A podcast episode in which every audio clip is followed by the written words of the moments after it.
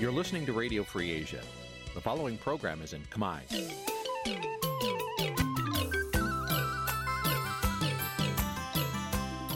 នេះជាកម្មវិធីផ្សាយ Vuthu Azizi Serai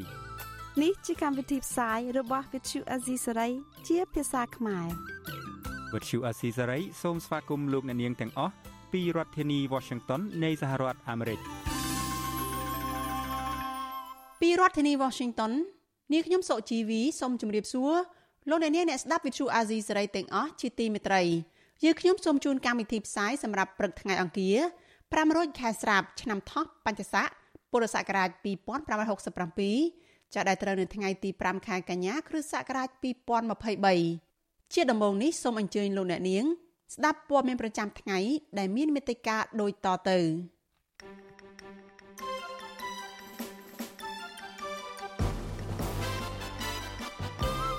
មន្ត្រីបកប្រឆាំងថារឿងបើកបង្ហូរទឹកនៅក្នុងអគារថ្មីនៃក្រសួងមហាផ្ទៃ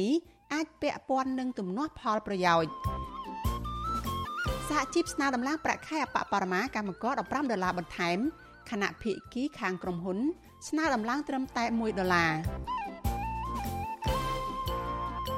ពលរដ្ឋរីគុណគណៈកម្មាធិការសិទ្ធិមនុស្សរដ្ឋាភិបាលដែលគ្រងទទួលពាក្យប្តឹងរំលោភសិទ្ធិមនុស្សតាមទូរស័ព្ទតែមើលរំលងបញ្ហាចំពោះមុខ ស្ត្រីដែលធ្វើការងារសង្គមតែងប្រឈមនឹងការបៀតបៀនជាច្រើនរួមនឹងព័ត៌មានសំខាន់សំខាន់មួយចំនួនទៀតចាត់ជាបន្តទៅទៀតនេះនាងខ្ញុំសុជីវីសូមជូនព័ត៌មានទាំងនេះពិស្ដាពលនាងជាទីមន្ត្រីមន្ត្រីបកប្រឆាំងនិងអ្នកឃ្លាំមើលលើកឡើងថាករណីមានអ្នកលួចបើកបង្ហូរទឹកនៅអាគារថ្មីនៃក្រសួងមហាផ្ទៃจะអាចពាក់ព័ន្ធនឹងរឿងអយុត្តិធម៌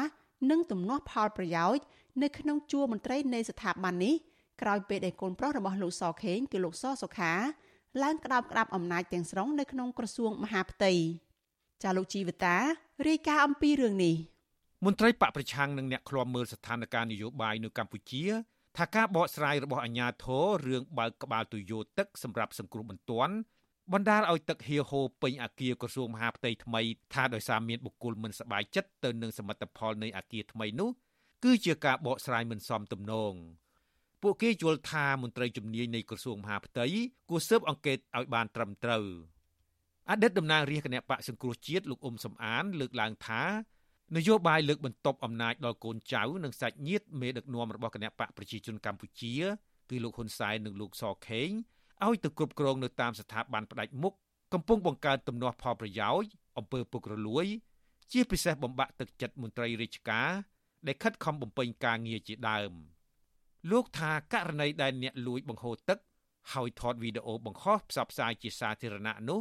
អាចកើតចេញពីទំនាស់ផ្ទៃក្នុងដោយសារតែពួកគេទប់ចិត្តលែងបានតាក់ទងរឿងអយុត្តិធម៌ក្រោមការដឹកនាំបែបគ្រួសារនិយមកាន់តែរីកធំដែលធ្វើឲ្យពួកគេគ្មានឱកាសបង្ហាញពីសមត្ថភាពមិនពេញចិត្តនៅក្រសួងមហាផ្ទៃហ្នឹងដែលឃើញដាក់តែ ខ្សែស្រឡាយក្រមគ្រួសារនិយមរបស់ដែលកើតមាននៅក្នុងក្រសួងមហាផ្ទៃដាក់តែយុវជនបន្តពួយមិនដាក់យុវជនបន្តពេលណាអញ្ចឹងខ្ញុំយល់ថាគេមិនពេញចិត្តហ្នឹងឯងបានគេពួយបង្ហូរទឹកហ្នឹងដើម្បីបង្ហាញពីការមិនពេញចិត្តហើយនឹងបានថតកុហកហ្នឹងដើម្បីប្រជាពលរដ្ឋខ្មែរបានដឹងថាក្រសួងមហាផ្ទៃគឺជាក្រសួងដែលបកពួកនិយមក្រុមគ្រួសារនិយមដែលមិនបានផ្ដល់ឱកាសទៅដល់មេចំនួនក្រោយដែលមិនមានជាខ្សែអ្នកធំហ្នឹងការលើកឡើងរបស់មន្ត្រីបកប្រឆាំងបែបនេះ កើតឡើងក្រោយពេលក្រសួងមហាផ្ទៃមិនទាន់បង្ហាញលទ្ធផលស្រាវជ្រាវលម្អិតនៅឡើយតាក់ទងករណីជនមិនស្គាល់អត្តសញ្ញាណម្នាក់ឆ្លៀតឱកាសនៅចុងម៉ោងធ្វើការកាលពីថ្ងៃទី30ខែសីហា បានលបបើកក្បាលទុយោទឹកសម្រាប់សង្គ្រោះបន្ទាន់នៅជាន់ទី5នៃក្រសួងមហាផ្ទៃបណ្ដាលឲ្យទឹកហូរចេញមកខ្លាំងវិទ្យុអាស៊ីសេរីមិនទាន់អាចតាក់ទងអ្នកនាំពាក្យក្រសួងមហាផ្ទៃលោកខៀវសុភ័ក្រដើម្បីបកស្រាយជុំវិញរឿងនេះបានទេ នៅថ្ងៃទី4កញ្ញា ចំណែកអ្នកអត្ថាធិប្បាយនយោបាយលោកកឹមសុខថាករណីនេះមិនពិបាកស្រាវជ្រាវដើម្បីរកមូលហេតុពិតប្រាកដនោះទេបើសិនអាជ្ញាធរចង់វែកមុខជនប្រព្រឹត្តនិងអ្នកពាក់ព័ន្ធនោះប៉ុន្តែលោកសង្ស័យថាហេតុការណ៍នោះអាចកើតឡើងដោយក្រុមណាមួយមិនពេញចិត្តនឹងកូនប្រុសរបស់លោកសខេងដែលបានទទួលតំណែងនៅក្រសួងមហាផ្ទៃដែលមានអំណាចប្រហាក់ប្រហែលនឹងក្រុមម្ខាងទៀត គៀរបស់ជាតិលុយវល់លានដុល្លារមិនមែនជារឿងតូចតាចទេអានេះយើងគិតត្រឹមតែលុយផងណាចុះឧទាហរណ៍ផ្សេងទៀតឧទាហរណ៍ថាអ្នកដែលធ្វើនោះមានបំណងបង្កើតទៅជាភេរវកម្មកម្រិតធំអញ្ចឹងมันបង្កវិនិស្សកម្មដល់មនុស្សផ្សេងផ្សេងទៀតដែលនៅអាគារហ្នឹងព្រោះក្រសួងមហាផ្ទៃណាមិនមែនជាការិយាល័យឃុំសង្កាត់ដូចតាទេក្រសួងដែលធានាឬក៏គ្រប់គ្រងសន្តិសុខផ្ទៃក្នុងជាតិទាំងមូលហើយឲ្យមានរឿងបែបបែបនឹងកើតឡើងទៅកើតណា អតីតរដ្ឋមន្ត្រីក្រសួងមហាផ្ទៃលោកសខេងបានសាងសង់អគារក្រសួងមហាផ្ទៃថ្មីលើដីចាស់តាមបណ្ដោយមហាវិថីព្រះនរោត្តមក្នុងសង្កាត់ទន្លេបាសាក់ខណ្ឌចំការមនក្រុងភ្នំពេញមុនលោកចាក់ចេញពីតំណែងនេះអគារមានកម្ពស់9ជាន់នេះចំណាយថវិការដ្ឋជាង60លានដុល្លារអាមេរិកលើផ្ទៃដីជាង10ហិកតាខ្ញុំជីវិតាអាស៊ីសេរី លោកអ្នកនាងជាទីមេត្រីលោកអ្នកកំពុងស្ដាប់វិទ្យុអាស៊ីសេរីចាប់ផ្សាយចេញពីរដ្ឋធានី Washington សហរដ្ឋអាមេរិកចាប់ពលរដ្ឋរិះគន់គណៈកម្មាធិការសិទ្ធិមនុស្សរបស់រដ្ឋាភិបាលកម្ពុជា ដែលគ្រងនឹងទទួលពាក្យបណ្ដឹងពីការរំលោភសិទ្ធិមនុស្សតាមប្រព័ន្ធទូរស័ព្ទមន្ត្រីអង្គការសង្គមស៊ីវិលថាគណៈកម្មាធិការសិទ្ធិមនុស្សកម្ពុជា គួរតែពិនិត្យនិងផ្ដល់អនុសាសន៍រដ្ឋាភិបាលថ្មីដឹកនាំដោយលោកយមត្រីហ៊ុនម៉ាណែតក្នុងការជំរុញនិងលើកកម្ពស់សិទ្ធិមនុស្សនៅកម្ពុជាចាលោកមានរិទ្ធ រាយការណ៍អំពីរឿងនេះពលរដ្ឋរិះគន់ថាគណៈកម្មាធិការសិទ្ធិមនុស្សកម្ពុជារបស់រដ្ឋាភិបាលមិនបានអនុវត្តទូនាទីជាអ្នកការពារសិទ្ធិពលរដ្ឋដើម្បីឲ្យពួកគាត់រស់នៅក្នុងសេចក្តីថ្លៃថ្នូរនោះទេកន្លងទៅអាញាធរតែងតែលៀបពណ៌ចោតប្រកាន់ហើយឈានដល់ការចាប់ខ្លួនសកម្មជនសង្គមនិងសកម្មជននយោបាយជាច្រើនអ្នកនៅពេលដែលពួកគាត់អនុវត្តសិទ្ធិជាមូលដ្ឋានរបស់ពួកគាត់ ទោះជាបែបនេះក្តីគណៈកម្មាធិការសិទ្ធិមនុស្សកម្ពុជាកម្រចេញមុខការពីការអនុវត្តសិទ្ធិជាមូលដ្ឋានរបស់សកម្មជនទាំងនោះណា តំណាងគឧតកោក្រុមហ៊ុនបនលបែង Nagawal លោកស្រីមុំសវត្ថិនថ្លែងថាការទទួលពាក្យបណ្ដឹងតាមទូរស័ព្ទនេះគ្រាន់តែជាឆាកល្ខោនសម្ដែងឲ្យបានល្អមើលតែប៉ុណ្ណោះឯការរំលោភសិទ្ធិការងារដែលជាសិទ្ធិមនុស្សនៅកណ្ដាលក្រុងភ្នំពេញនិងការខាត់ខ្លួនប្រធានសហជីពការពារសិទ្ធិកម្មករមិនត្រូវបានយកចិត្តទុកដាក់ពីគណៈកម្មាធិការសិទ្ធិមនុស្សកម្ពុជារបស់រដ្ឋាភិបាលនោះទេ បច្ចុប្បន្ននឹងបែរទៅជាឃើញព័ត៌មានថាប្រមូលតាមរយៈប្រព័ន្ធទូរស័ព្ទវារត់ទៅអស់សំណោចទៅទៀតទាំងដែលបញ្ហានៅចំពោះមុខ បែរទៅជាធ្វើមិនឃើញហើយបែរទៅជាយកមុខទៅលើបណ្ដាញសង្គមឲ្យពលរដ្ឋនឹងដាក់ពាក្យបណ្ដឹងតាមរយៈហ្នឹងអាពាក្យបណ្ដឹងនៅខាងក្រៅមិននឹងអាចនឹងធ្វើទៅបានផងតោះទម្រាំតែពាក្យបណ្ដឹងតាមប្រព័ន្ធអេឡិចត្រូនិកទៀតវាទៅជាយ៉ាងណាមើលឃើញថាវាជារូបភាពមួយដែលគណៈកម្មការនឹងរៀបចំឡើងដើម្បីតែឲ្យឃើញថាបានធ្វើការដែរប៉ុន្តែសួរថាលទ្ធភាពលទ្ធផលនៃការបំពេញតួនាទីដែលបំរើរាជហ្នឹងបានប្រសិទ្ធភាពអត់គឺអត់ឃើញ ការរិះគន់នេះគឺបន្ទាប់ពីមានជំនួបរវាងប្រធានគណៈកម្មាធិការសិទ្ធិមនុស្សរបស់រដ្ឋាភិបាលលោកកៅរេមីជាមួយនឹងតំណាងការិយាល័យឧត្តមស្នងការអង្គការសហប្រជាជាតិទទួលបន្ទុកសិទ្ធិមនុស្សប្រចាំកម្ពុជា អ្នកស្រីរូអេដាអេលហាជកាលពីចុងខែសីហា ក្នុងជំនុំនោះគណៈកម្មាធិការសិទ្ធិមនុស្សកម្ពុជា បានលើកយកពីយន្តការនៃការដាក់ប្រអប់បណ្ដឹងនៅតាមពន្ធនាគារនៅក្រុងភ្នំពេញនិងការទទួលពាក្យបណ្ដឹងតាមប្រព័ន្ធកម្មវិធីទូរស័ព្ទដៃឈ្មោះ CHRC ដើម្បីទទួលបានពាក្យបណ្ដឹងរបស់ពលរដ្ឋ កូនប្រុសរបស់សកម្មជនដីធ្លីល្បីឈ្មោះម្នាក់ដែលកំពុងជាប់ឃុំនៅខេត្តកោះកុងគឺលោកស្រីផៅញើងលោកហងវាសនាស្នើដល់គណៈកម្មាធិការសិទ្ធិមនុស្សកម្ពុជាជំរុញឲ្យដោះលែងសកម្មជនដីធ្លីដែលប្រើប្រាស់សិទ្ធិជាមូលដ្ឋានរបស់ពួកគាត់ដើម្បីតវ៉ាទៅនឹងការរំលោភបំពានដីធ្លីឲ្យទទួលបានយុត្តិធម៌ជាមុនសិនមុននឹងបើកទទួលពាក្យបណ្ដឹងតាមទូរស័ព្ទខ្ញុំជឿជាក់ថាការដែលទៅទៀមទាដីរបស់ខ្លួនឯងដែលយើងជាម្ចាស់កម្មសិទ្ធិដីរបស់យើងត្រឡប់មកខ្លាយជាដីរបស់យើងវិញដែលអត់មានការបំពេញអត់មានការកន្ត្រៀនដីយើងតាមរយៈការឈូសឆាយឬក៏ការគម្រាមកំហែងណាមួយវាមិនមែនជាអំពើខុសច្បាប់ទេបងខ្ញុំជឿជាក់ថាវាគួរតែត្រូវបានគ្រប់គ្រងត្រូវតែគួរតែត្រូវបានលើកទឹកចិត្តនិងចូលរួមយ៉ាងសកម្មពីសំណាក់រដ្ឋាភិបាលក្នុងការដោះស្រាយទៅលើបញ្ហារបស់គ្រួសារខ្ញុំដូចគ្រួសារផ្សេងៗដែលមានបញ្ហាដីធ្លីនឹង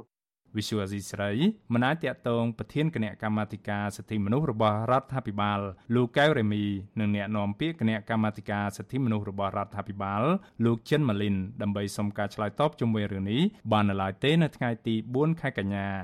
កាលពីពេលកន្លងទៅនៅពេលពលរដ្ឋអនុវត្តសិទ្ធិជាមូលដ្ឋានរបស់ពួកគាត់ដោយយកញត្តិស្នើសុំកិច្ចអន្តរាគមន៍ពីរដ្ឋាភិបាលនៅខុទ្ទកាល័យនាយករដ្ឋមន្ត្រីក្នុងការដោះស្រាយវិវាទនានាដូចជាវិវាទការងារវិវាទដីធ្លីនិងការបំផ្លិចបំផ្លាញធនធានធម្មជាតិជាដើមពួកគាត់តែងតែត្រូវបានអាជ្ញាធរប្រើភាសាគំរាមកំហែងហើយពលរដ្ឋមួយចំនួនទៀតរងនឹងការចោទប្រកាន់ពីបទល្មើសព្រហ្មទណ្ឌនិងឃុំខ្លួនក្នុងពន្ធនាគារជាដើម នាយកសម្របសម្រួលនៃគម្រោងធុរកិច្ចនិងសិទ្ធិមនុស្សនៃមជ្ឈមណ្ឌលសិទ្ធិមនុស្សកម្ពុជា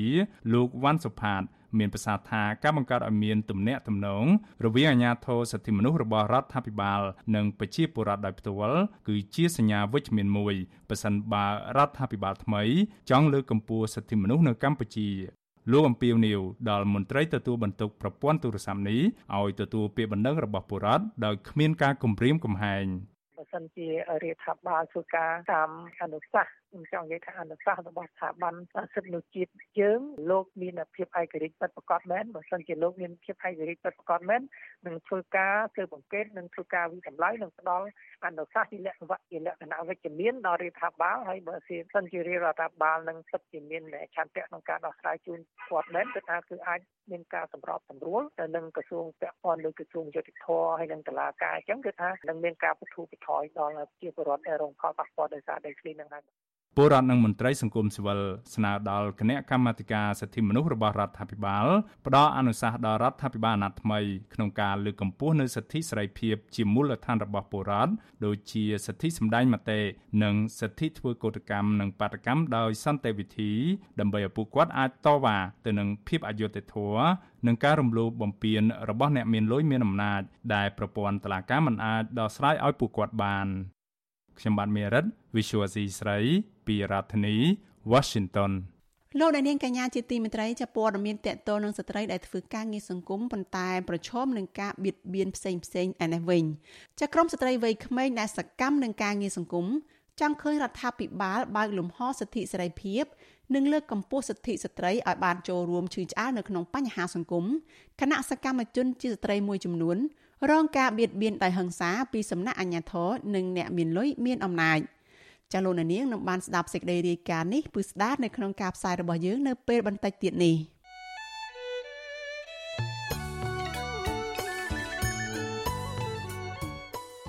លោកនាងកញ្ញាជាទីមេត្រីចានៅក្នុងឱកាសនេះដែរនាងខ្ញុំសូមថ្លែងអំណរគុណដល់លោកនាងកញ្ញាទាំងអស់ដែលតែងតែមានភក្ដីភាពចំពោះការផ្សាយរបស់យើងហើយចាត់ទុកការស្ដាប់វិទ្យុអាស៊ីសេរី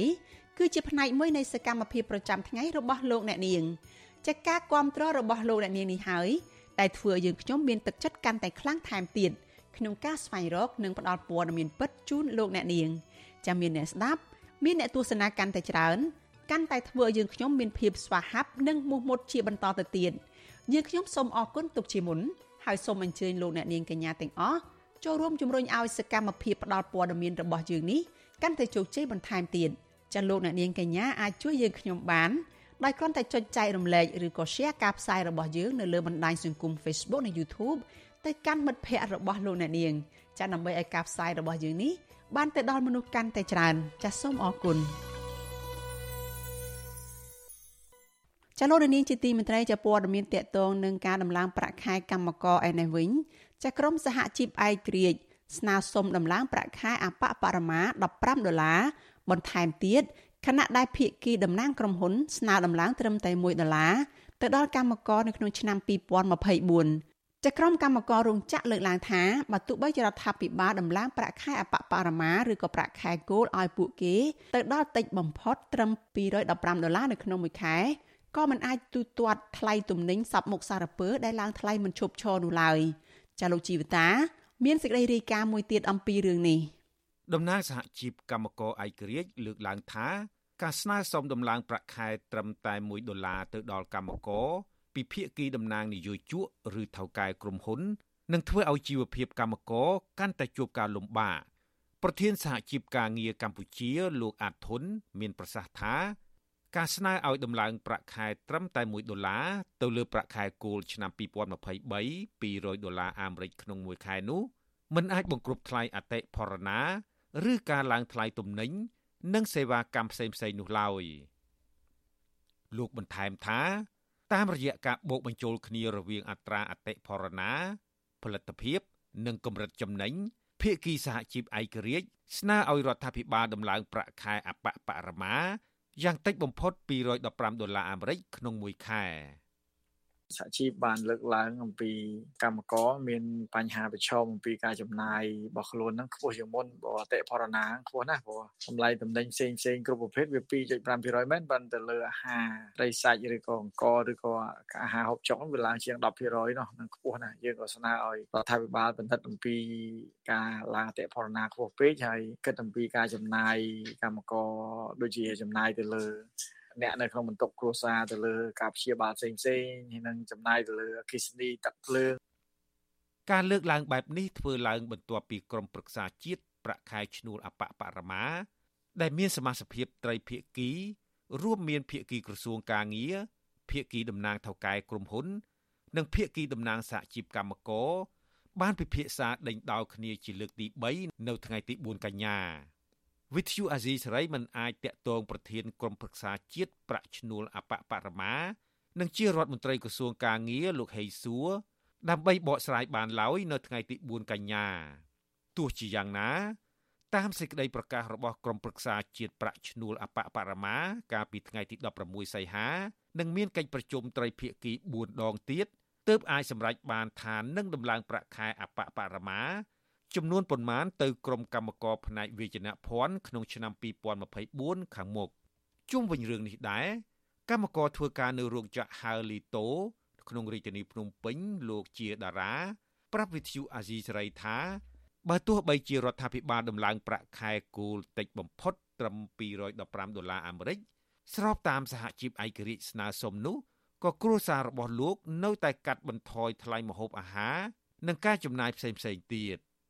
លោកជាតារាដែលធ្វើការនៅក្នុងវិស័យរោងចក្រជាង10ឆ្នាំនិងមានកូនតូចតូច2នាក់ក្នុងបន្ទុកផងនោះបន្ថែមថាដោយសារតែថ្លៃបន្ទប់ជួល និងទំនិញឡើងថ្លៃគ្រប់បែបយ៉ាងនោះដូច្នេះបើទោះជារដ្ឋាភិបាលដំឡើងប្រាក់ខែគោលអបបរមាជារៀងរាល់ឆ្នាំក្តីក៏គ្រួសាររបស់លោកកាន់តែមានជីវភាពលំបាកពីមួយឆ្នាំទៅមួយឆ្នាំ។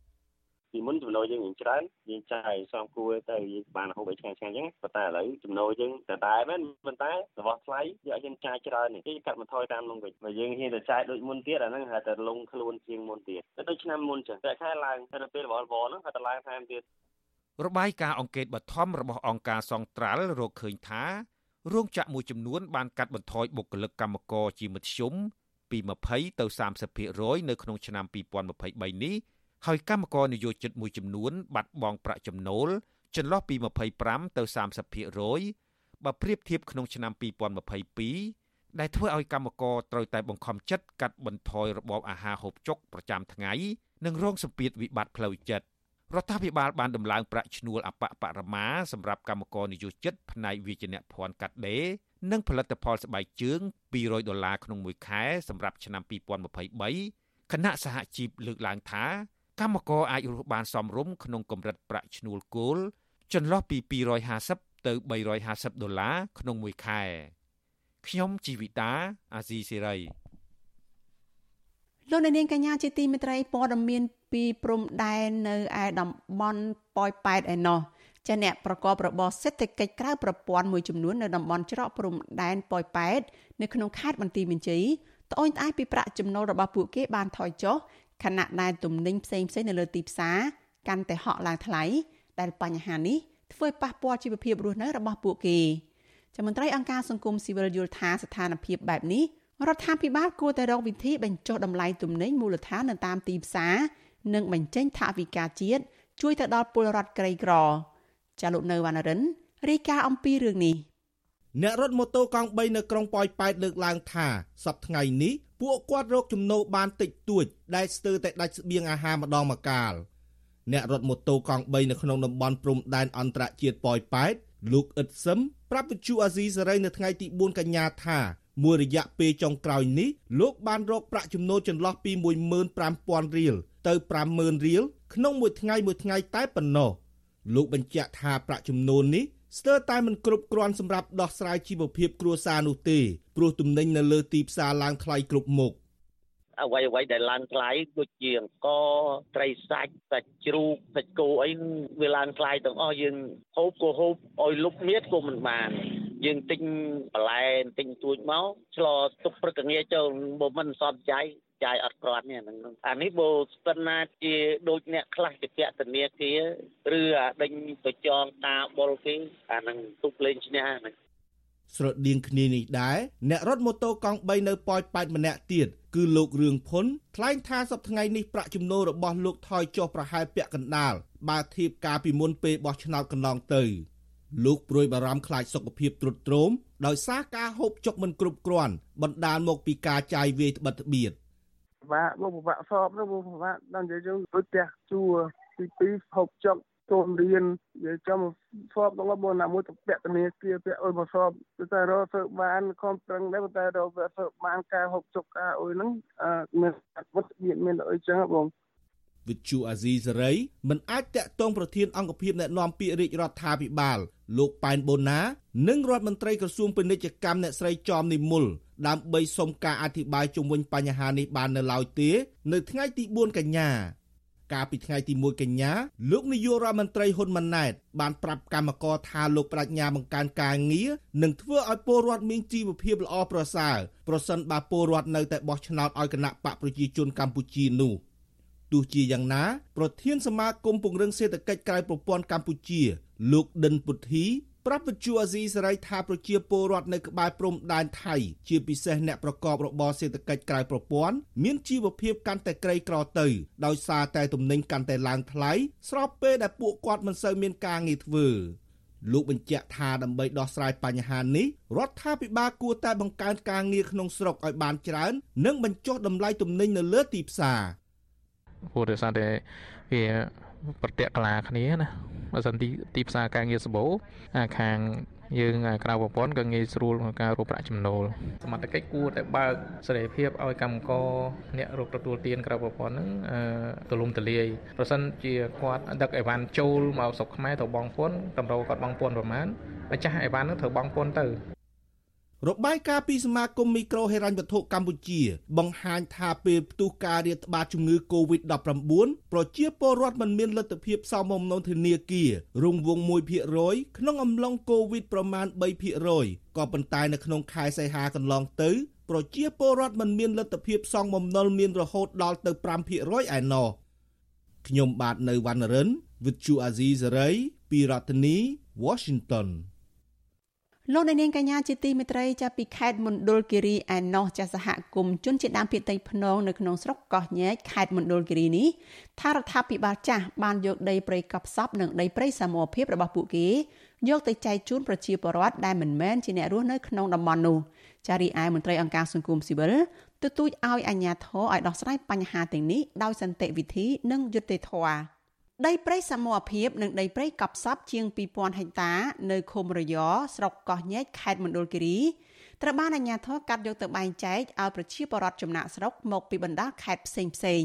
ពួកគេថាវាអយុត្តិធម៌នៅពេលដែលអាជ្ញាធរយកដីព្រៃកប់សពដូនតារបស់ពួកគេទៅបែងចែកជាកម្មសិទ្ធិឯកជនបែបនេះតំណាងសហគមន៍ជនជាតិដើមភាគតិចលោកស្រីវាយឡៃសៀនប្រាប់វិទ្យុអាស៊ីសេរីកាលពីថ្ងៃទី4ខែកញ្ញាថា សហគមន៍មិនសប្បាយចិត្តនោះទេ នៅពេលដែលដីព្រៃកប់សពដូនតារបស់ពួកគេត្រូវបែងចែកទៅឲ្យប្រជាពលរដ្ឋនៅខាងក្រៅដើម្បីធ្វើជាកម្មសិទ្ធិឯកជន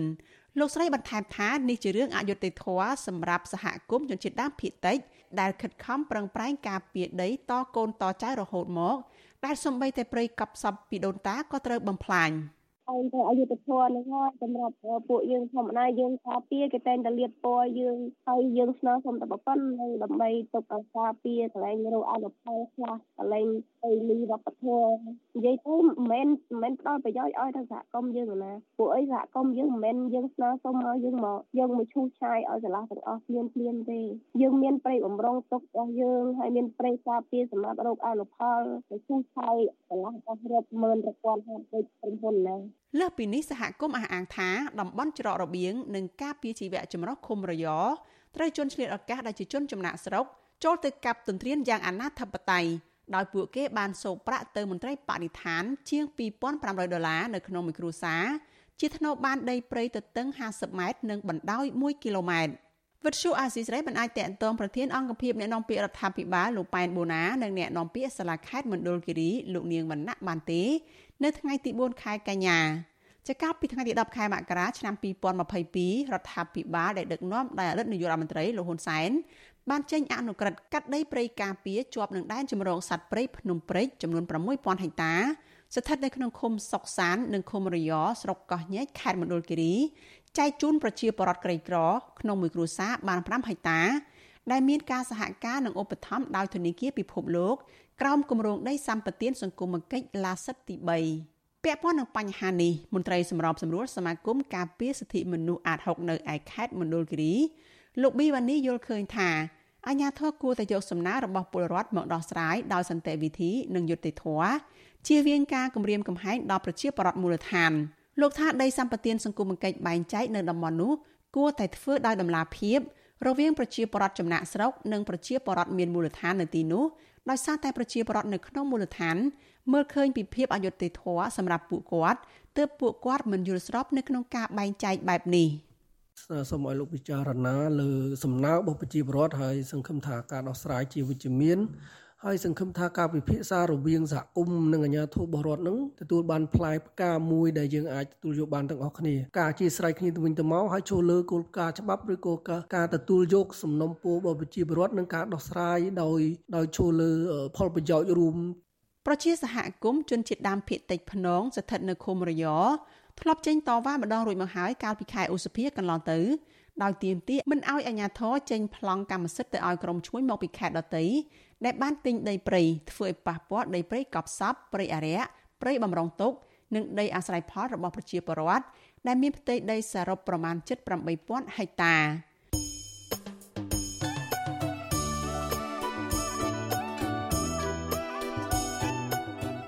លោកអ្នកនាងជាទីមេត្រីដំណើរគ្នានឹងស្ដាប់ការផ្សាយវិទ្យុអាស៊ីសេរីតាមបណ្ដាញសង្គម Facebook YouTube និង Telegram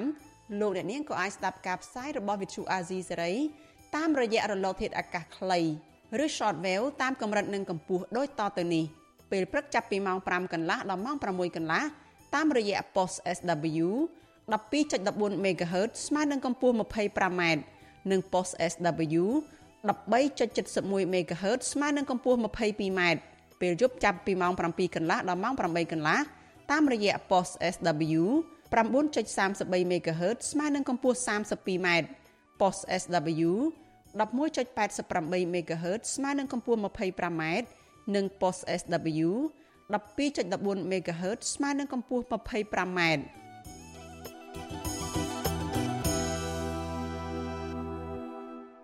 លោកអ្នកនាងកញ្ញាជាទីមេត្រីលោកអ្នកកំពុងស្ដាប់វិទ្យុអាស៊ីសេរីចាប់ផ្សាយចេញពីរដ្ឋធានី Washington សហរដ្ឋអាមេរិកក្រុមស្ត្រីវ័យក្មេងដែលសកម្មនឹងការងារសង្គមចង់ឃើញរដ្ឋាភិបាលបើកលំហសិទ្ធិសេរីភាព និងលើកកម្ពស់សិទ្ធិស្ត្រីឲ្យចូលរួមឈឺឆ្អាលបញ្ហាសង្គមគណៈសកម្មជនជាស្ត្រីមួយចំនួន រងការបៀតបៀនដោយហិង្សាពីសំណាក់អាជ្ញាធរនិងអ្នកមានលុយមានអំណាចចាលោកលេងម៉ាលីរាយការណ៍ព័ត៌មាននេះក្រមស្ត្រីសកម្មនឹងការងារសង្គមមួយចំនួនពុំទទួលបានការលើកទឹកចិត្តពីរដ្ឋាភិបាល និងមិនទទួលបានការគាំពៀពីសង្គមដោយសារពួកគេមិនមែនជាសមាជិកបកកណ្ដាលអំណាច ទាមទារអាជ្ញាធរពាក់ព័ន្ធឲ្យការពារពួកគេពីការបៀតបៀនរាងកាយនិងរំលោភបំពានសិទ្ធិគឧតកោ Nagavel លោកស្រីសុករតនាប្រាប់ពធ្យុអស៊ីសេរីនៅថ្ងៃទី4កញ្ញាថាចាប់តាំងពីលោកស្រីបាត់បង់កូនដោយសារការបង្ក្រាបរបស់អាជ្ញាធររដ្ឋមកធ្វើឲ្យលោកស្រីគិតច្រើន និងនឹករលឹកដល់កូនលោកស្រី លោកស្រីបន្តថាជារឿងអយុត្តិធម៌បំផុត នៅពេលស្ត្រីដែលរងការរំលោភសិទ្ធិការងារហើយបែរជាអាញាធរប្រើហិង្សាលើក្រុមកោតក្រភៀកច្រើនជាស្ត្រីទាំងកំរោលបែបនេះ ត្រឹមតាយើងតស៊ូដើម្បីរកការងារធ្វើក្នុងទីប្រទេសខ្លួនឯងសោះត្រូវបានអាជ្ញាធរវាយយើងឈាមបែកពេញផ្លូវហើយពាក់ព័ន្ធនឹងការបាត់បាត់បង់កូននេះខ្ញុំវាក្បែរនឹងបាត់បង់ជីវិតដែរបើសិនជាយើងទៅពេទ្យអត់ទាន់បើយើងសង្គ្រោះអត់ទាន់ណាហើយអានេះជាផលវិបាកខ្ញុំខ្លាំងទី1សេដ្ឋកិច្ចទី2ខ្ញុំត្រូវបាត់បង់កូនក្នុងផ្ទៃត្រឹមបាន2ខែកន្លះហើយត្រូវបាត់បង់ទាំងគាត់មិនទាន់ដឹងក្តីទាំងគាត់មិនទាន់នឹងដោះដៃដោះជើងផង លោកស្រីបន្ថែមថាពេលក្រុមកោតក្ររងការបង្ក្រាបរបស់អាជ្ញាធរនិងក្រុមសន្តិសុខក្រុមហ៊ុន Nagaworld រហូតរងរបួសបែកឈាមពេញខ្លួននោះលោកស្រីមិនដែលបានទទួលការការពារសិទ្ធិពីក្រសួងកិច្ចការនារីនោះទេ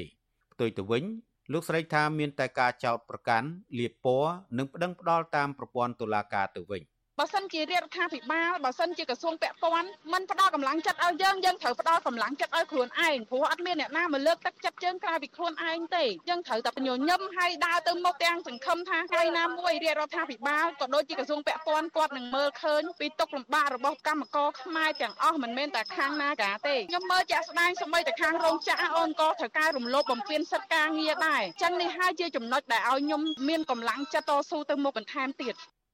ក្រៅពីបាត់បង់ការងារនិងប្រាក់ចំណូលសម្រាប់ផ្គត់ផ្គង់គ្រួសារក្រមស្ត្រីទាំងនោះក៏បានរងការបំពានស្ទើរគ្រប់រូបភាពទាំងការវាយដំទាត់ធាក់លើរាងកាយរហូតបែកមុខបែកមាត់ការបៀតបៀនផ្លូវភេទការប្រើប្រាស់ហិង្សាបណ្ដាលឲ្យស្ត្រីកោតក្រម្នាក់រលូតកូននិងការធ្វើឲ្យសកម្មជននិងសហជីពជាច្រើនអ្នកត្រូវប្រត់ប្រាស់គ្រួសារ ដោយសារការចាប់ដាក់ពន្ធនាគារព្រោះតែពួកគេចេញតវ៉ាឲ្យអាជ្ញាធរនិងអតីតនាយករដ្ឋមន្ត្រីហ៊ុនសែនជួយរកយុត្តិធម៌រឿងវិវាទការងារជាមួយថៅកែអស់រយៈពេលជាង2ឆ្នាំមកនេះស្រដៀងគ្នានេះសកម្មជនចលនាមេដាធម្មជាតិកញ្ញាភួនកែវរស្មី សង្កេតឃើញថាយុវជនជាស្ត្រីភៀកច្រើនពុំសូវចាប់អារម្មណ៍និងហ៊ានចូលរួមកិច្ចការងារសង្គមទេ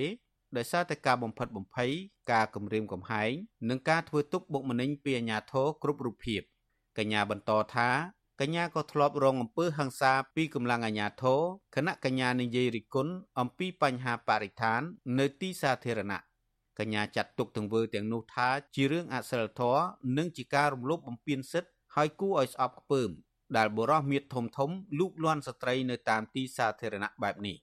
ប៉ុន្តែផ្ទុយទៅវិញបែរជាមានការចោទប្រកាន់មកលើពួកយើងថាដោយសារតែពួកយើងធ្វើខុសច្បាប់ដោយសារតែពួកយើងមិនបានសមច្បាប់ឬមួយក៏ដោយសារតែពួកយើងនឹងគឺជាមនុស្សដែលញុះញង់ដែលជាមនុស្សប្រឆាំងទៅនឹងរដ្ឋាភិបាលទៅគេធ្វើសកម្មភាពទាំងអស់នឹងមកលើយើងដែលខ្ញុំមើលឃើញថាវាជារឿងមួយដែលអយុត្តិធម៌ហើយមិនមានភាពស្មើគ្នានៅក្នុងសង្គមដែលយើងមើលឃើញថាបើសិនជាគាត់ជាស្ត្រីដែរប៉ុន្តែគាត់ធ្វើការងារផ្សេងផ្សេងអីហ្នឹងហានិភ័យរបស់គាត់វាមានទៀបជាងពួកយើងដែលជាស្ត្រីដែលខំធ្វើការងារដើម្បីសង្គមហើយយើងនឹងមានហានិភ័យខ្ពស់ជាមួយនឹងរឿងសវត្ថភាពវិទ្យុអស៊ីសេរីមិនអាចតាក់ទងแนะនាំពាក្យក្រសួងកិច្ចការនារីអ្នកស្រីសស៊ីណែតនិងแนะនាំពាក្យរដ្ឋាភិបាលលោកប៉ែនបូណាដើម្បីសុំការបកស្រាយបានទេ នៅថ្ងៃទី4កញ្ញា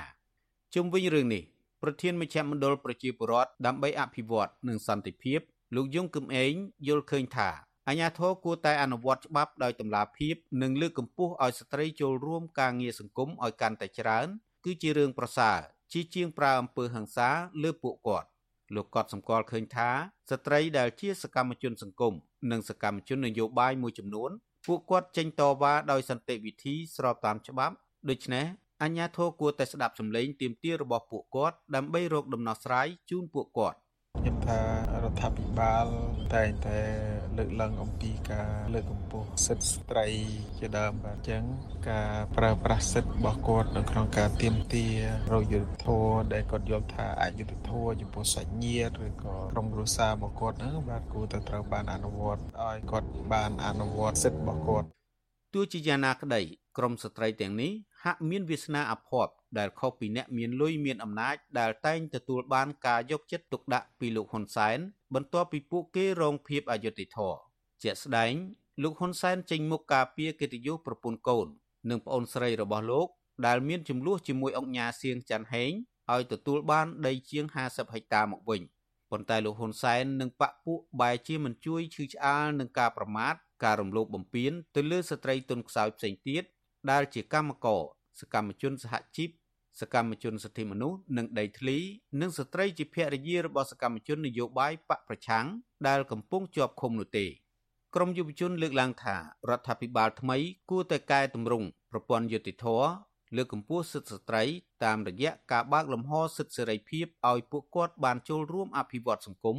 ដើម្បីទទួលបានការយកចិត្តទុកដាក់ពីពលរដ្ឋគ្រប់និន្នាការ និងបញ្ឈប់ការចាប់ចង ការចោទប្រកាន់ពលរដ្ឋតាមទំនឹងចិត្ត ខ្ញុំបាទលេងម៉ាលីវិទ្យុអស៊ីសេរី Washington លោកនាងកញ្ញាប្រិយមិត្តជាទីមេត្រីចាប់ព័ត៌មានពីខេត្តកំពតឯណោះឲ្យដឹងថាកម្មករខ្មែរមួយចំនួននៅក្រុមហ៊ុនចិនឈ្មោះ Thalamed Agriculture ដែលវិនិយោគផ្នែកដំណាំចេកនៅខេត្តកំពតពួកគេកំពុងមានសុខភាពទ្រុឌទ្រោមដោយសារតែរងផលប៉ះពាល់ពីសារធាតុថ្នាំគីមី និងកម្មករខ្លះទៀតត្អូញត្អែពីតម្លៃប្រាក់ឈ្នួលចុះថោកខណៈដែលពួកគាត់បញ្ចេញកម្លាំងពលកម្មច្រើន ចាប់ពលរដ្ឋនិងមន្ត្រីអង្គការសង្គមស៊ីវិលលើកឡើងថាមូលហេតុដែលពលរដ្ឋភៀសច្រើននៅក្នុងមូលដ្ឋានទ្រាំធ្វើការនៅក្រុមហ៊ុនចិននេះទាំងលំបាកដោយសារតែពលរដ្ឋគ្មានជំរឿនិងមិនចង់ទៅធ្វើការនៅក្រៅប្រទេសចោលក្រុមគ្រួសារចាលោកមានរិទ្ធមានសេចក្តីរាយការណ៍មួយទៀតអំពីរឿងនេះកម្មករខ្មែរដែលភ ieck ច្រើនជាបរិបបាញ់ថ្នាំសារធាតុគីមីទៅលើផ្លែចេកនៅក្នុងចំការរបស់ក្រុមហ៊ុនចិន Longmade Agriculture នៅខេត្តកំពត ពុំទទួលបានកិច្ចគាំពៀពីក្រុមហ៊ុនតាក់ទងទៅនឹងការថែទាំសុខភាពនោះទេហើយកម្មករមួយចំនួន មានអាការៈក្អកជាប្រចាំខ្សោះអស់កម្លាំងស្ងួតបំពង់ក និងពិបាកដកដង្ហើម កម្មករម្នាក់ធ្វើការនៅក្រុមហ៊ុនចិន Longmed Agriculture លោកឆាយសេឡាប្រាវិសុវស៊ីស្រីនៅថ្ងៃទី3ខែកញ្ញាថាលោកនិងកម្មករផ្សេងទៀតនៅពេលយកថ្នាំសារធាតុគីមីបាញ់ថែទាំផ្លែចេកម្ដងម្ដងក្រុមហ៊ុនពុំបានផ្ដល់សម្ភារបំពាក់ការពារនិងសម្ភារៈផ្សេងទៀតដើម្បីការពារពីចំហាយសារធាតុគីមីនោះទេ លោកថានៅពេលកម្មករយកសារធាតុគីមីបាញ់ថែទាំផ្លែចេកទាំងនោះចំហាយគីមីហូរជ្រាបពេញខ្លួន ដែលធ្វើឲ្យលោកនិងកម្មករមួយចំនួនទៀតត្រូវធ្លាក់ខ្លួនឈឺក្អកស្ងួតបំពង់កនិងខ្សោះអស់កម្លាំងជាដើមលោកព្រួយបារម្ភថាទៅថ្ងៃខាងមុខលោកមិនដឹងថានឹងប្រឈមនឹងកើតជំងឺអ្វីទៀតនោះទេលោកបញ្ជាក់ថាដោយសារតែថ្លៃកម្លាំងពលកម្មថោកនិងមានជំងឺប្រចាំកាយផងនោះលោកត្រូវឆ្លៀតពេលទៅកាប់អស់នៅតាមចលងភ្នំដើម្បីយកទៅលក់ដោះស្រាយបញ្ហាជីវភាពនិងសងបំណុលធនាគារជាពាក់អង្គការគេដល់ពេលអត់ជំរឹះហើយវាពិបាកដើរទៅធ្វើការនៅឆ្ងាយពីផ្ទះព្រមធ្វើអញ្ចឹងវាប្រឈមឆ្នាំពុលវាច្រើនវាជាតិពុលវាចូលទៅក្នុងខ្លួនយើងពេលណាដែលយើងនៅកម្លាំងវាមិនអាចធ្វើឲ្យយើងបានដល់ពេលហើយតែរាងកាយយើងរៀងស្រត់បន្តិចវានឹងកើតមានដល់ខ្លះនោះខ្ញុំពីក្បាលបាញ់ពីក្រោមដើមចេកហើយអាហារនិភ័យដែលវាគ្រោះថ្នាក់ហ្នឹងខ្ញុំវាអត់ទាន់ដឹងទៅថ្ងៃក្រោយវាវាមិនទេណា ចំណែកកម្មករម្នាក់ទៀតថ្លែងក្នុងលក្ខខណ្ឌសុំមិនបញ្ចេញឈ្មោះព្រោះបារម្ភពីសុវត្ថិភាពរៀបរាប់ថាការធ្វើការងារនៅក្នុងក្រុមហ៊ុនចិនមួយនេះមិនមានជីវភាពប្រសើរឡើយព្រោះពួកគាត់ធ្វើការឲ្យក្រុមហ៊ុន បានប្រាក់ឈ្នួល30000រៀលក្នុងមួយថ្ងៃខណៈអ្នកថែទាំកូនចេកវិញ បានប្រាក់ឈ្នួលតែ180ដុល្លារទេក្នុងមួយខែលោកស្រីថាតម្លៃប្រាក់ឈ្នួលនេះមិនស័ក្តិសមទៅនឹងកម្លាំងពលកម្មរបស់កម្មករឡើយ លោកស្រីឲ្យដឹងទៀតថាកម្មករភៀសច្រើនរួមទាំងលោកស្រីផងទ្រាំធ្វើការដោយមិនហ៊ានងើបតវ៉ាជាមួយថៅកែក្រុមហ៊ុននោះទេដោយសារតែព្រួយបារម្ភខ្លាចថៅកែក្រុមហ៊ុនបញ្ឈប់ពីការងារហើយមិនមានលុយសងបំណុលធនាគារនិងមិនចង់ទៅធ្វើការនៅក្រៅប្រទេសចោលក្រុមគ្រួសារវាទៅការងារលេងហ្នឹងអត់មានថាលេងណាមកទេគ្រូបាក់ទាំងអស់ហ្មងការងារលេងហ្នឹងផ្នែកខ្ញុំវិញមួយយើងធ្វើឲ្យមិនតាន់គេពីស្ដីឲ្យចឹងយើងធ្វើគឺដូចពួកខ្ញុំហ្នឹងចិត្តគេគេស្អាតចឹងឲ្យស្ដីឲ្យរាល់ថ្ងៃមិនដឹងធ្វើម៉េចពលរដ្ឋឲ្យដឹងថានៅភូមិខ្ពបឃុំតាកែនស្រុកឈូកខេត្តកំពតមានពលរដ្ឋខ្មែរជាង300គ្រួសារកំពុងបម្រើការងារក្នុងក្រុមហ៊ុនចិន ដែលវិនិយោគដំណាំចេកនៅកម្ពុជាឈ្មោះ Longmed Agriculture តំបន់ភូមិខ្ពបឃុំតាកែនគឺជាតំបន់ជនបទដាច់ស្រយាលគ្មានផ្សារគ្មានរោងចក្រនិងសហគ្រាសនោះទេហើយមានចម្ងាយប្រមាណជាង70គីឡូម៉ែត្រពីទីរួមខេត្តកំពត Visual C ស្រីមិនអាចតាក់ទងតំណាងក្រុមហ៊ុនចិន Longmade Agriculture ដើម្បីសាកសួរជុំវិញរឿងនេះបាននៅឡើយទេ នៅថ្ងៃទី3ខែកញ្ញារីឯអភិបាលខេត្តកំពតលោកម៉ៅធនិន និងរដ្ឋមន្ត្រីក្រសួងកសិកម្មលោកដិតទីណាក៏មិនអាចតាក់ទងដើម្បីសូមអត្ថាធិប្បាយបានទេ នៅថ្ងៃដដែលនេះ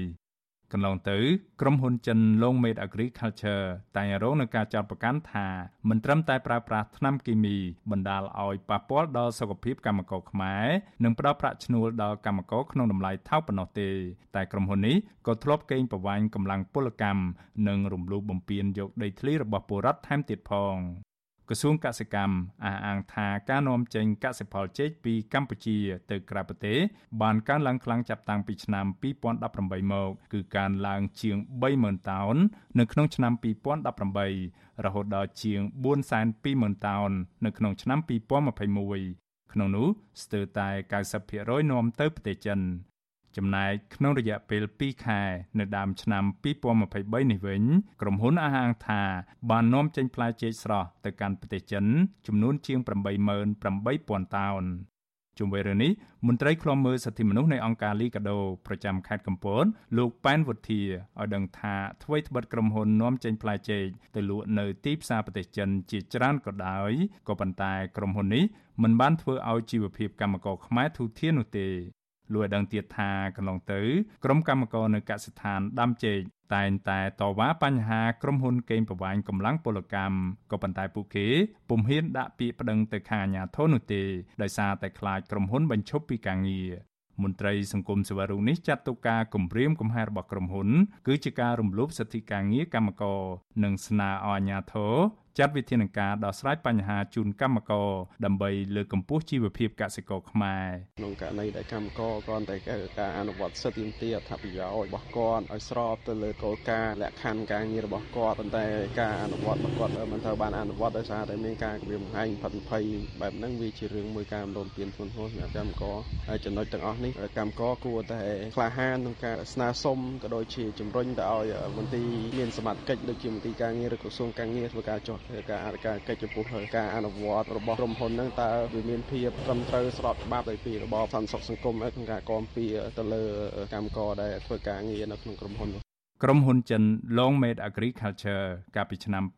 2018ទទួលបានសិទ្ធិវិនិយោគនៅលើផ្ទៃដីប្រមាណជាង1000ហិកតា នៅទីតាំងភូមិដុំផ្ដៅឃុំតាពាំងភ្លៀងស្រុកឈូកខេត្តកំពតក្នុងគម្រោងវិនិយោគផ្នែកដំណាំចេកមានទឹកប្រាក់32លានដុល្លារ ប្រជាពលរដ្ឋនិងមន្ត្រីសង្គមស៊ីវិលទទូចដល់អាជ្ញាធរជួយជំរុញទៅក្រុមហ៊ុនឲ្យដំឡើងប្រាក់ឈ្នួលដល់កម្មករនិងផ្ដល់កិច្ចគាំពារនានាជូនដល់កម្មករដែលងាយរងនៅផលប៉ះពាល់ដល់សុខភាពដោយសារតែថ្នាំជាតិគីមី និងដើម្បីលើកកម្ពស់ជីវភាពកម្មករខ្មែរឲ្យពួកគេរស់នៅប្រកបដោយសេចក្តីថ្លៃថ្នូរខ្ញុំបានមេរិត Visual C ស្រីពីរដ្ឋធានី Washington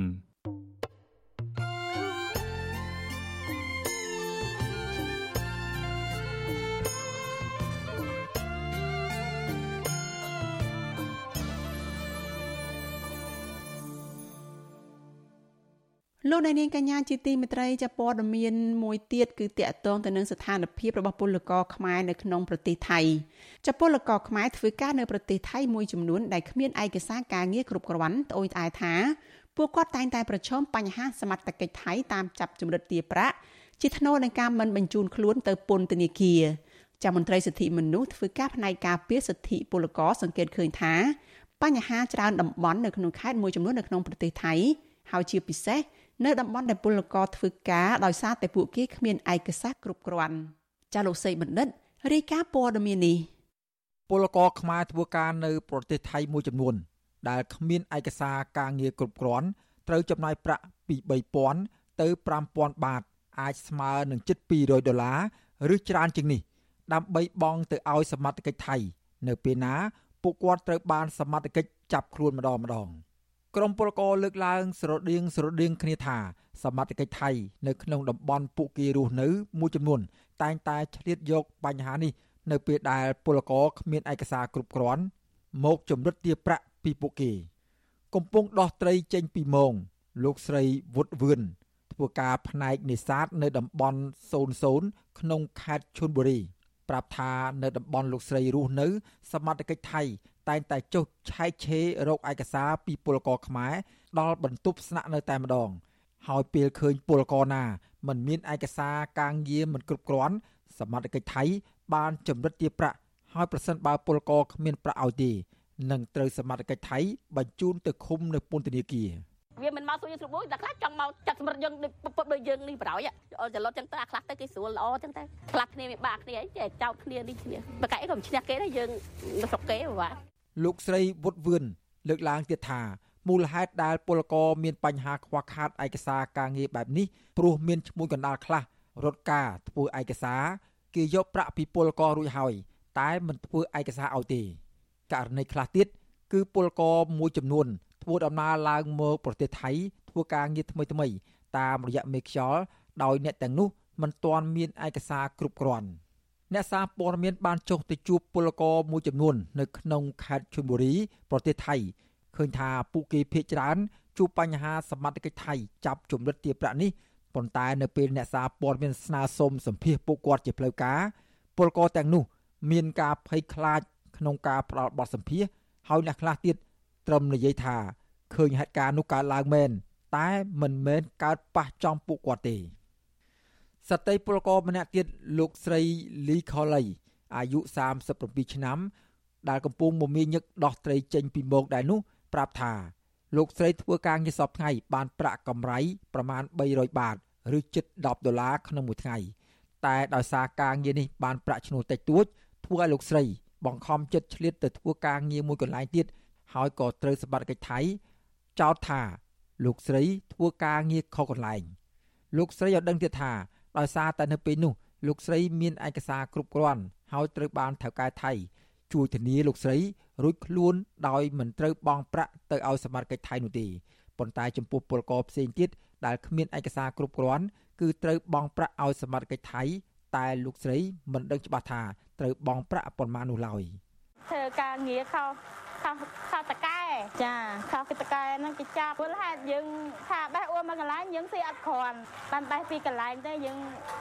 អាហ្នឹងយើងទប់ទុំគ្នាបើថាបេះមកកន្លែងនោះអត់ទប់ទុំគ្នាទេណាមួយថ្លៃហងផងកូនហូតផងវាអញ្ចឹងពលករខ្មែរធ្វើការងារនៅក្នុងប្រទេសថៃក្រៅពីជួបបញ្ហាសមត្ថកិច្ចថៃចាប់ទារប្រាក់ជាធ្នូមិនយកទៅឃុំខ្លួននោះ ក៏នៅមានពលករខ្លះទៀតត្រូវបានសមត្ថកិច្ចចាប់ទារប្រាក់រួចហើយតែមិនព្រមដោះលែងមកវិញនោះឡើយ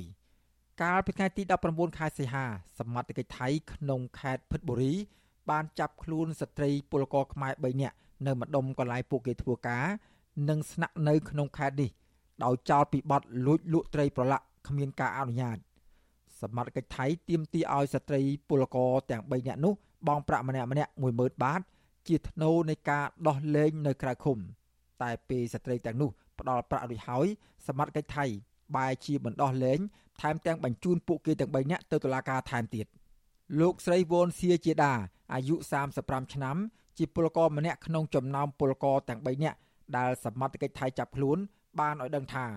លោកស្រីមកប្រទេសថៃធ្វើការនៅរោងចក្រមួយកន្លែងស្ថិតនៅក្នុងខេត្តភិតបុរី ហើយពេលលោកស្រីទំនេរពីការងារទៅរកត្រី នៅជិតកន្លែងស្នាក់នៅធ្វើម្ហូបលោកស្រីបន្តទៀតថាត្រីដែលនៅសល់ពីការធ្វើម្ហូបលោកស្រីប្រឡាក់លក់ឲ្យអ្នកជិតខាង ហើយនៅទីបំផុតសមត្ថកិច្ចបានចាប់ខ្លួនលោកស្រី និងស្ត្រីពលករ2នាក់ផ្សេងទៀតក្នុងករណីលក់ត្រីប្រឡាក់នេះលោកស្រីសោកស្ដាយដែលសមត្ថកិច្ចថៃយកប្រាក់ពីលោកស្រី និងស្ត្រីពលករខ្មែរ2នាក់ផ្សេងទៀតរួចហើយតែមិនដោះលែងតាមការសន្យានោះទេ គេថាបើអត់មានលុយគេធ្វើតាមច្បាប់ព្រោះច្បាប់ប្រទេសថៃគេមានយើងមកធ្វើការយើងមកដដៅមុខរបររបស់គេអញ្ចឹងលុយហ្នឹងបង់ឲ្យហើយបង់ឲ្យសាលាការអស់10000គេពិន័យយើងអស់10000ហើយអត់បានចេញមានតកតងករណីស្ត្រីលក់ត្រីងៀតទាំង3នាក់នេះសមត្ថកិច្ចមិនទាន់ដោះលែងពួកគាត់មកវិញនៅឡើយទេនិងកំពុងឃុំខ្លួននៅពន្ធនាគារប្រទេសថៃជុំវិញបញ្ហារបស់ពលករនៅក្នុងប្រទេសថៃនេះដែរ វិទ្យុអស៊ីសេរីនៅពុំទាន់អាចសុំការឆ្លើយតបពីប្រធានអនុព័ន្ធការងារនៃស្ថានទូតកម្ពុជាប្រចាំនៅប្រទេសថៃលោកឈឹមវិបុលនិងអ្នកនាំពាក្យក្រសួងការបរទេសលោកអានសុខឿនបានទេ នៅថ្ងៃទី2ខែកញ្ញាវិទ្យុអស៊ីសេរីនៅមិនទាន់អាចសុំការបកស្រាយពីសម្បត្តិកិច្ចថៃបាននៅឡើយទេ នៅថ្ងៃដដែលនេះ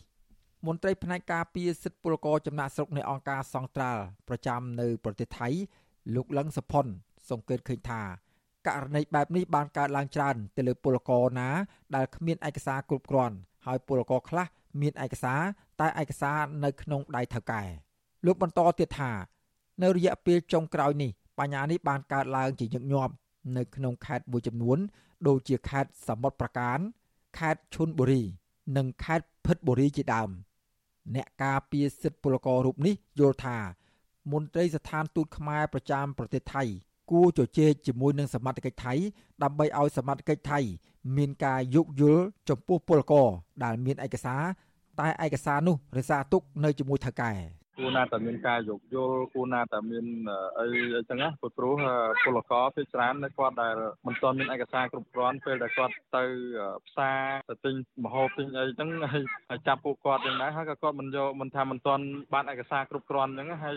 គាត់បង្ហាញនៅវិក័យប័ត្របង្ហាញនៅអីអញ្ចឹងទៅហើយមានការផាកពិន័យអីវាវាមិនគួរធ្វើបែបហ្នឹងទេវាក្រសួងការងារឲ្យដឹងថាមានពលករ1លាន3សែននាក់កំពុងធ្វើការងារនៅក្នុងប្រទេសថៃ ប៉ុន្តែអង្គការសង្ត្រាល់រកឃើញថាពលករខ្មែរធ្វើការនៅក្នុងប្រទេសនេះមានជាង2លាននាក់បូករួមទាំងពលករគ្មានឯកសារគ្រប់គ្រាន់ផង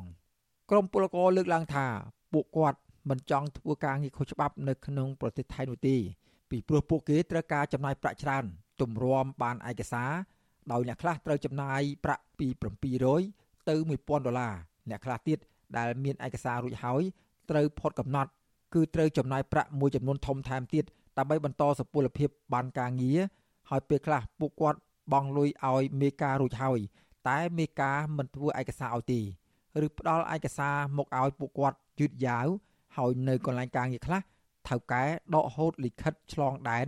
ឬឯកសារការងាររបស់ពលករទុកជាដើមខ្ញុំបាទសេកបណ្ឌិតវិទ្យុអាស៊ីសេរីពីរដ្ឋធានីវ៉ាស៊ីនតោន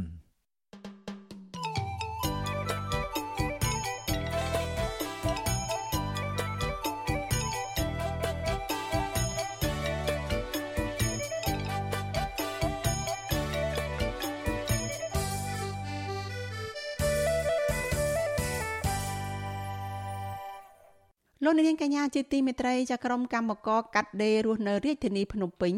ចាចង់ឃើញរដ្ឋាភិបាលដំឡើងប្រាក់ខែឲ្យបានច្រើនខណៈដែលពួកគេកំពុងប្រឈមបញ្ហាតម្លៃទំនិញនៅលើទីផ្សារនិងជំពាក់បំណុលធនាគារដោយពុំមានលទ្ធភាពសង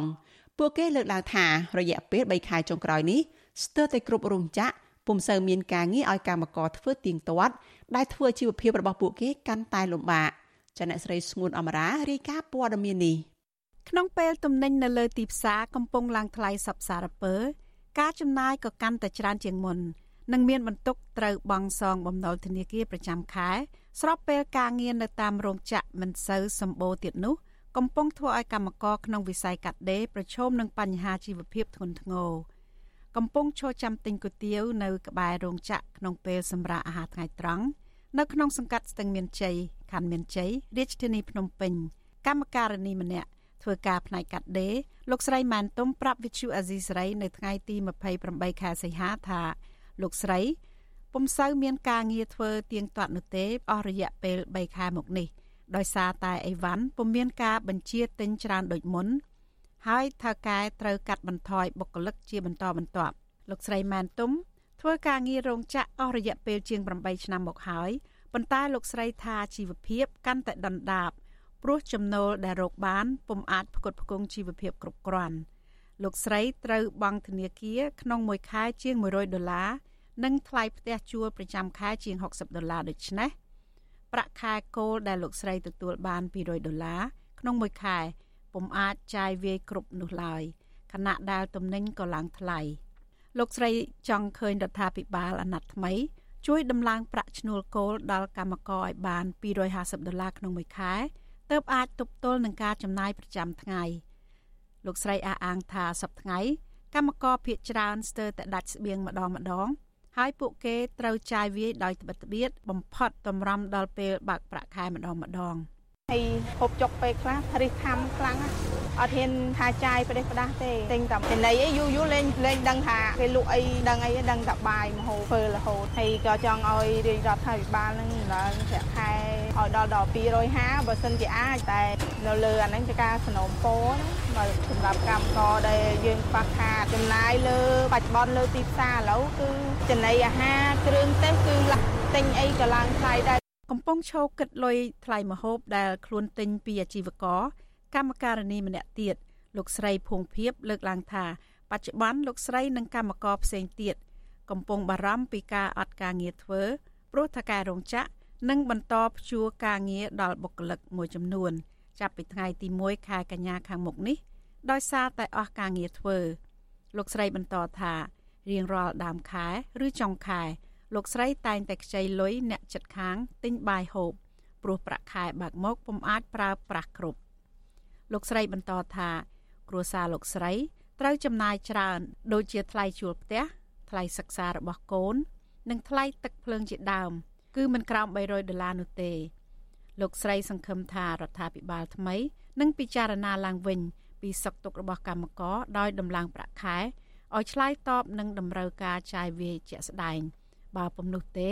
កម្មករភាគច្រើននឹងរស់នៅដោយជីវភាពខ្វះខាតចចាប់ពីថ្ងៃទី1ហ្នឹងទៅគេជួការងារ2ខែរហូតដល់ខែ11បញ្ចូលវិញបាក់ដែរហ្នឹងព្រោះយើងបង់ធនាគារអីអញ្ចឹងដែរហើយណាមួយគ្រប់គងគ្រួសារអញ្ចឹងវាមានលុយកាក់ហើយការងារឥឡូវរធ្វើក៏អត់បានដែរជុំវិញរឿងនេះអ្នកនាំពាក្យក្រសួងការងារលោកកតាអនប្រាប់វិទ្យុអាស៊ីសេរីតាមប្រព័ន្ធ Telegram នៅថ្ងៃទី29ខែសីហាថា ករណីដំឡើងប្រាក់ឈ្នួលជូនកម្មករនេះ គឺជាកិច្ចការមួយដែលក្រសួងការងារនិងភាគីពាក់ព័ន្ធកំពុងតែរកដំណោះស្រាយតែយ៉ាងណា លោកពុំតាន់អាចបញ្ជាក់បានទេថាតើនឹងដំឡើងប្រាក់ឈ្នួលអបបរមា បានប៉ុន្មាននោះទេ លោកសរសេរថាក្រសួងការងារបន្តប្រឹងប្រែងចរចាជាមួយភាគីនយោជកនិងសហជីពដើម្បីដំឡើងប្រាក់ឈ្នួលអបបរមា ដល់បងប្អូនកម្មករនយោជិតឲ្យបានមុនភ្ជុំបិណ្ឌ ខាងមុខនេះទោះដំឡើងបានកម្រិតណាក៏ដោយឲ្យសមស្របសម្រាប់ជាប្រយោជន៍ដល់កម្មករនយោជិតហើយមានការព្រមព្រៀងគ្នាពីភាគីពាក់ព័ន្ធត្បិតថាកម្មករភៀកច្រើន ជួបការលំបាកជីវភាព និងប្រឈមបាត់បង់ការងារជាបន្តបន្ទាប់ក្តីលោកនាយករដ្ឋមន្ត្រីហ៊ុនម៉ាណែតបានថ្លែងក្នុងវេទិកាចោះជួបកម្មករជាលើកដំបូងនៅថ្ងៃទី29ខែសីហាដោយសន្យាថា នឹងដំឡើងប្រាក់ឈ្នួលគោលកម្មករឲ្យលើសចំនួន200ដុល្លារក្នុងពេលបច្ចុប្បន្នប៉ុន្តែលោកមិនទាន់អាចបញ្ជាក់ថាអាចដំឡើងចំនួនប៉ុន្មាននោះទេ កាលពីថ្មីថ្មីនេះមេដឹកនាំសហជីពឯករាជ្យមួយចំនួន បានកំណត់យកតួលេខ220ដុល្លារដើម្បីត្រៀមយកទៅចរចាប្រាក់ឈ្នួលគោលក្នុងវិស័យវេយនភ័ណ្ឌកាត់ដេរផលិតស្បែកជើង និងផលិតផលធ្វើដំណើរសម្រាប់ឆ្នាំ2024 ក្នុងកិច្ចប្រជុំក្រុមប្រឹក្សាជាតិប្រាក់ឈ្នួលអបបរមា ត្រីភាគី គឺភាគីរដ្ឋាភិបាលនយោជកនិងភាគីសហជីពតំណាងកម្មករនៅពេលខាងមុខនេះប្រធានសហភាពការងារកម្ពុជាលោកអាត់ធុនប្រាប់វិទ្យុអេស៊ីស្រីថាសប្តាហ៍ថ្ងៃស្ថានភាពកម្មករកំពុងតែប្រឈមការលំបាកច្រើន ជាពិសេសការចាយវាយកើនឡើង លោកថាបើសិនជាករណីនេះពំបានស្រាវជ្រាវឲ្យបានត្រឹមត្រូវ ពីសំណាក់ភាគីពាក់ព័ន្ធទេ អ្នកប្រឈមខ្លាំងគឺកម្មករហើយពួកគេងាយធ្លាក់ទៅក្នុងបន្ទាត់នៃភាពក្រីក្រលោកថាការដំឡើងប្រាក់ឈ្នួលឲ្យកម្មករសម្រាប់ឆ្នាំ2024គួរបន្ថែមចំនួនជាង20ដុល្លារលើប្រាក់ឈ្នួលគោលកាលពីឆ្នាំ2023ព្រោះសហជីពរកឃើញថាបច្ចុប្បន្នកម្មករម្នាក់ត្រូវចំណាយការឡើងរហូតដល់ចន្លោះ180ទៅ700ដុល្លារក្នុងមួយខែ ដោយសារតែការទទួលបន្ទុកផ្គត់ផ្គង់សមាជិកគ្រួសារមានចាប់ពី4ទៅ5នាក់ជាដើម លើស្ថានភាពលំបាករបស់កម្មករយោជិតបច្ចុប្បន្នដែលតិផរណាកើនឡើងហើយក៏ចំណាយក្នុងការរស់នៅនឹងមានការលំបាកខ្ពស់នេះហើយនឹងយោងលើរបាយការណ៍ស្រាវជ្រាវដែលក្នុងតលហេកទាំង7រកឃើញថាយោជកនិងរដ្ឋាភិបាលគួរតែដំឡើងប្រាក់ឈ្នួលកម្មករឲ្យបានសមរម្យហើយខ្ញុំគិតថាយ៉ាងហោចណាស់ក៏ចន្លោះពី220ទៅ250នេះដែរទើបអាចគាត់កាត់បន្ថយការចំណាយនិងការលំបាករបស់គាត់បានបាទថ្មីថ្មីនេះ របាយការណ៍អង្កេតបឋមរបស់អង្គការសង្ត្រាល់រកឃើញថារោងចក្រមួយចំនួន បានកាត់បន្ថយបុគ្គលិកកម្មករជាមធ្យមចន្លោះពី20ទៅ30%នៅឆ្នាំនេះហើយកម្មករនយោជិតមួយចំនួនធំ បាត់បង់ប្រាក់ចំណូល ចន្លោះពី25ទៅ30%បើប្រៀបធៀបក្នុងឆ្នាំ2022ករណីនេះ ធ្វើឲ្យកម្មករត្រូវតែបង្ខំចិត្តកាត់បន្ថយរបបអាហារហូបចុកប្រចាំថ្ងៃ និងរងសម្ពាធវិបត្តិផ្លូវចិត្តជាដើម។នាងខ្ញុំសួនអមរា With you Azizi Saray ពីរដ្ឋធានី Washington thank you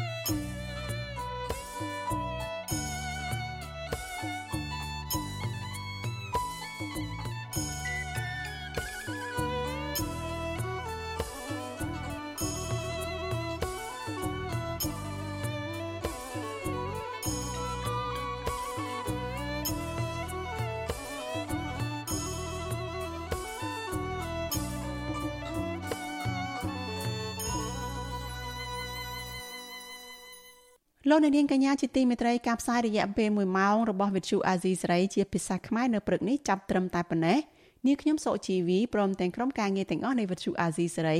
ចាសសូមជូនពរដល់លោកនាងកញ្ញានិងក្រុមគ្រួសារទាំងអស់ចាសសូមប្រកបតែនឹងសេចក្តីសុខចាសសុខភាពល្អនិងមានសុភមង្គលកុំបីឃ្លៀងឃ្លាតឡើយចាសនាងខ្ញុំសូមអរគុណនិងសូមជម្រាបលា